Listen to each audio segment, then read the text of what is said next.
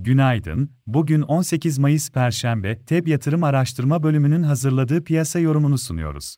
Yurt dışı borsalarda dün pozitif kapanışlar oldu. Amerika'da borç tavanı konusundaki görüşmelerde anlaşma beklentileri ve banka hisselerine gelen alışlarla Amerika endeksleri yükseldi. S&P endeksi %1.19, Nasdaq endeksi %1.28 yukarıda kapanış yaptı. Amerika banka endeksindeki yükseliş %4.55 oldu.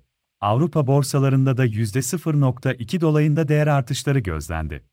Bu sabah da yurt dışı borsalar genelde olumlu tarafta hareket ediyor. Japonya'da dış ticaret dengesi Nisan'da beklenenden daha az açık verdi. Asya borsaları pozitif açıldı. Güne başlarken Nikkei endeksi %1.5, Şanghay endeksi %0.7 yukarıda seyrediyor. Avrupa borsalarının %1'e yakın yukarıda açılması bekleniyor. Amerika endeksleri ise dünkü yükselişin sonrasında vadeli tarafta güne başlarken yatay, hafta başından beri yükseliş eğiliminde olan dolar endeksi ve Amerika tahvil faizleri hafif geriledi. Güne başlarken ons altın fiyatı dünkü kapanış seviyelerine yakın hareket ediyor.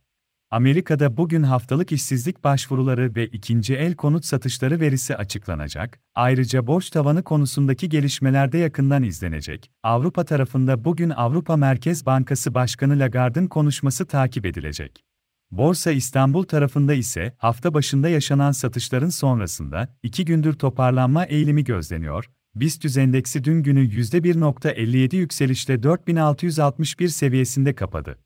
Borsa İstanbul'da toparlanma eğiliminin bugün de korunmasını, endekste teknik olarak ilk etapta 4700 ara direnç seviyesinin test edilmesini bekleriz. Bu seviyenin aşılması durumunda kısa vade diğer önemli dirençler olarak 5000 ve 5200 seviyelerine bakılabilir. Günlük bazda destekler olarak 4480 ve 4370 seviyeleri önemli olacak. Hisse tarafında ise endekste toparlanma hareketi içinde teknik olarak kısa vadeli alım yönünde Aselsan, Enka İnşaat, Ford Otosan, Mavi Giyim, Migros, Pegasus, Sabancı Holding, Şişecam, Türk Hava Yolları, Ülker hisseleri takip edilebilir.